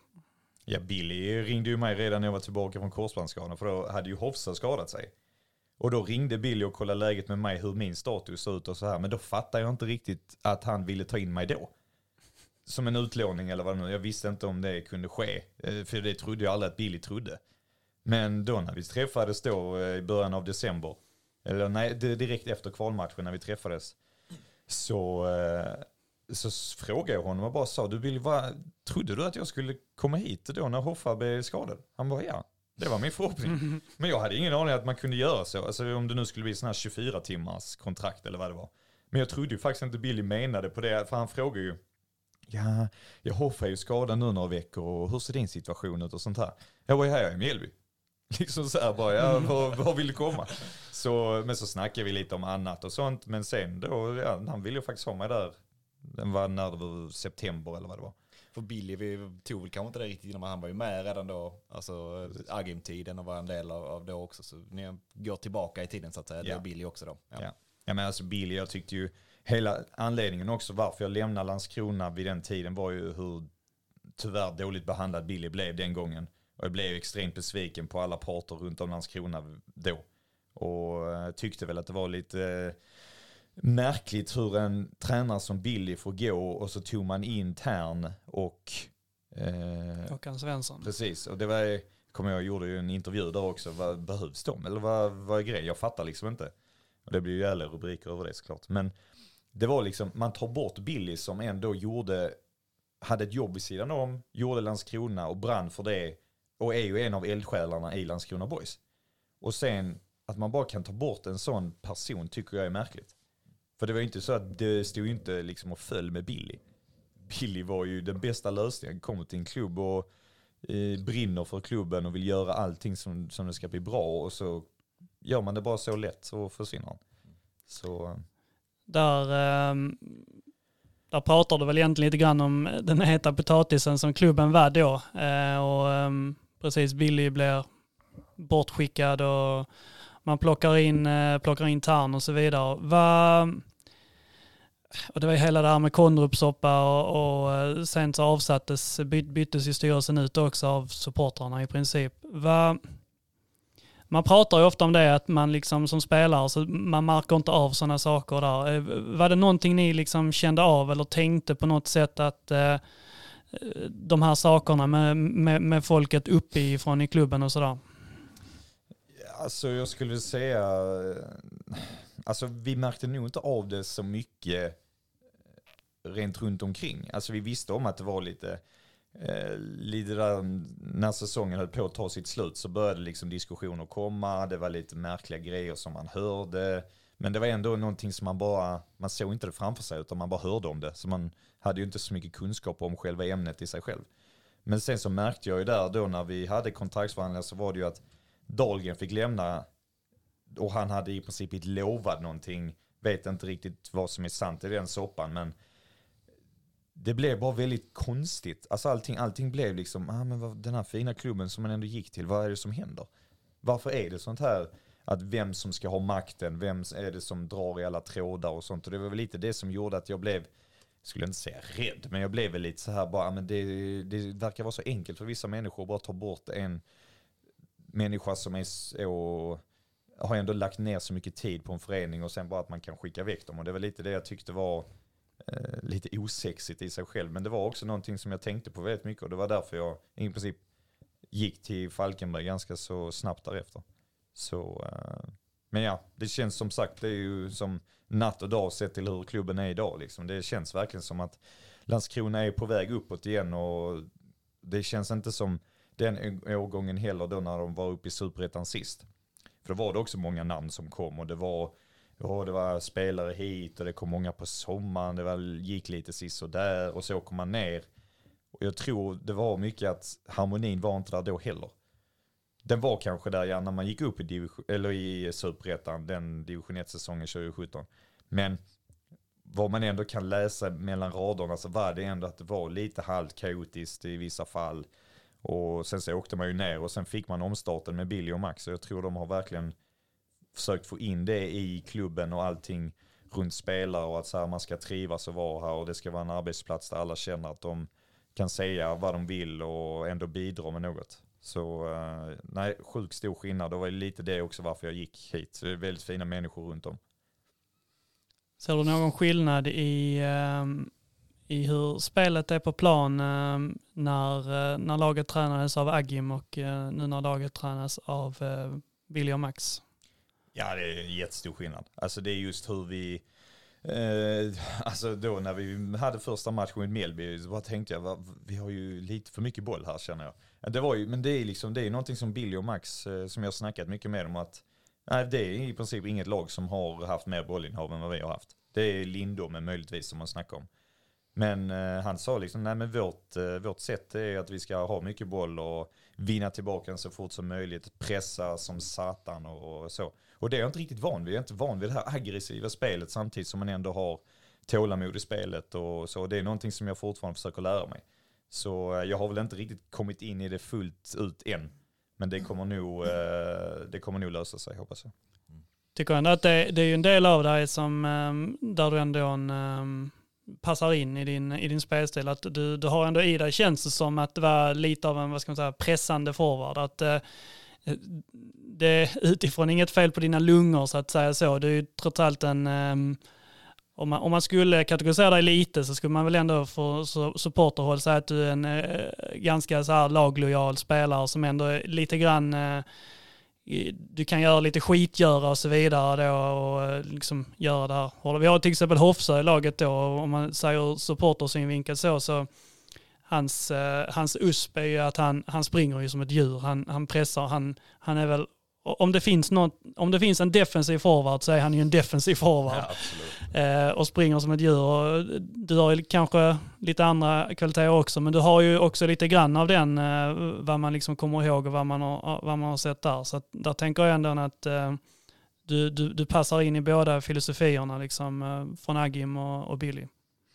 Ja, det skulle jag säga. Alltså, det är ju någonting som jag säger till Hoffa hela tiden. Alltså, Hoffa är en fantastiskt bra fotbollsspelare och det är det är också därför jag fick ju höra det, att det var lite jobbigt för honom förra året. Och uh, kanske inte gjorde de här målen som behövdes för självförtroendet. Och när han då gör två mål nu mot Torn så blir man ju verkligen glad. Glad av den anledningen att det alltså ändå lyckas vända på det och göra det bra. Så nu har varit ja, lite ifrågasatt kanske fram och tillbaka och visar liksom bara svar på tal nu direkt. Och jag tycker det är, för det är en väldigt, väldigt fin person vid sidan om också. Så det är, eh, men absolut, han, han jag, jag skulle nog säga han är lite grisigare än vad jag är. Eh, men han jobbar ju stenhårt, 100% i dueller. Det är ju en specifik grej som jag kommer ihåg där från kvalmatchen var ju han hade varit inne i en minut eller vad det är. Och skickar mittbacken ut över läktaren mm. liksom, ja, knappt.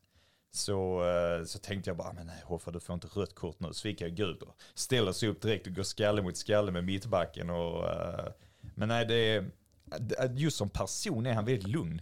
Och det är just därför man kan ibland se det som lite konstigt att han har den aggressiva spelstilen. Så eh, nej men det är, jag är faktiskt, det är en av de spelarna som har imponerat på mig mest hittills. Är det någon annan uh, spelare. Vi, vi frågade samma sak till Svante och han eh, nämnde bland annat Kevin Jensens avslut. Så är det någon annan spelare eller någon annan detalj eh, som eh, har överraskat på dig nu som du inte, någon spelare du inte kände till eller som du inte förväntade dig? Ja, alltså nu såg jag ju inte så många matcher i division 1 förra året. Eh, men jag skulle väl säga den som imponerat på mig mest hittills är ju hur stor Caddo har blivit sett till hur han var innan han skadade sig. Han har blivit ett fysiskt monster i princip. Och sen gillar jag eh, Vilstrand väldigt mycket. Eh, men Kevin har ju sådana kvaliteter som man ser att ja, han kommer klara detta utan problem och Filip Olsson också. Men jag måste, den som imponerar på mig mest som jag vill ska ta steg är Emil Jönsson. Faktiskt. För jag tycker han, han har en väldig blick. Och det, det är lite, lite så här att se det hos en ung spelare, att redan innan få bollen, vet exakt vad han ska göra. Det är sådana spelare som går långt. Som hela tiden vet, får han bollen, göra det här, göra det här. Sen så absolut man ska slipa på detaljerna. Men det är det jag försöker förmedla till honom. Vad, um, vad är det som håller honom, uh, vad är det som håller honom tillbaka då? Håller tillbaka? Det är väl mer just lite snabbare beslutsfattande i vissa fall. För när han väl har dragit en gubbe så vill han gärna hitta den här magiska passningen som öppnar upp ett helt spel. Medan jag försöker mer bara, ja det kan du absolut göra, men gärna efter du, när du känner dig trygg med det. För gör du det direkt, ah den går inte.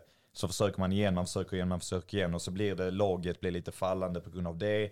Så det handlar bara om en mognad i sitt spel. Men själva passningar och kunna vända bort spelaren, vänder ju bort spelare hur som helst på träningarna.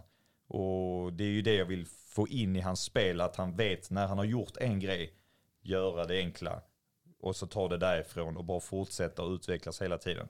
Så, eh, men det som, jag skulle inte säga, det är väl mer bara att han måste tänka lite snabbare ibland. För det går snabbare på den här nivån och man måste bara göra en grej, spela den, inte hålla i den för länge. För han är ju mittfältare och tappar du bollen där så är det ju, det blir lite skadat läge.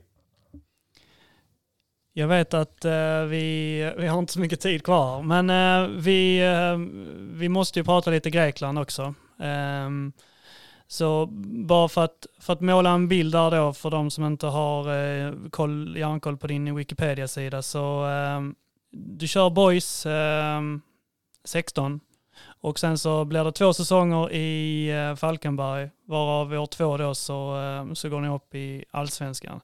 Och sen istället för att följa med eh, Falkenberg upp i allsvenskan så hoppar du på ett proffs, proffståg till, eh, till Grekland istället och spelar på Kreta.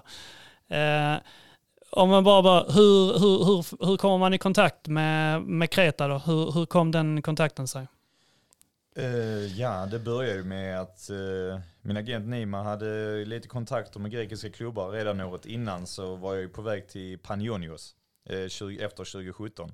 Men de hade lite problem med att betala. Eh, de ville göra det i princip som en eh, delbetalningsplan med Falkenberg och de fattade ju inte riktigt det. För då handlade det om 30 000 euro tror jag det var de skulle betala Falkenberg.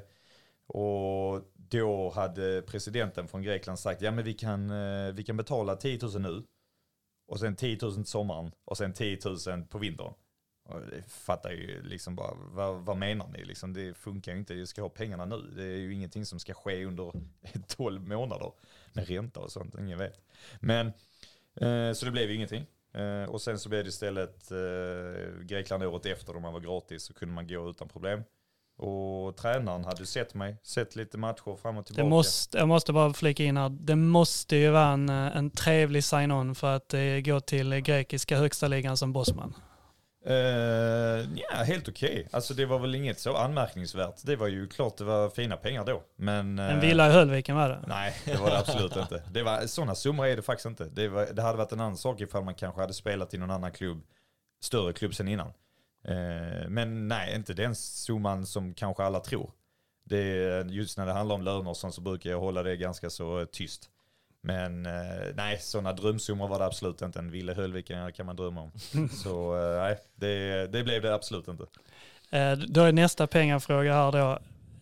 Blev det betalt i liksom ett kuvert i, i facket i, i, i omklädningsrummet eller hur? Är, är det bara som man, som man önskar att det skulle vara?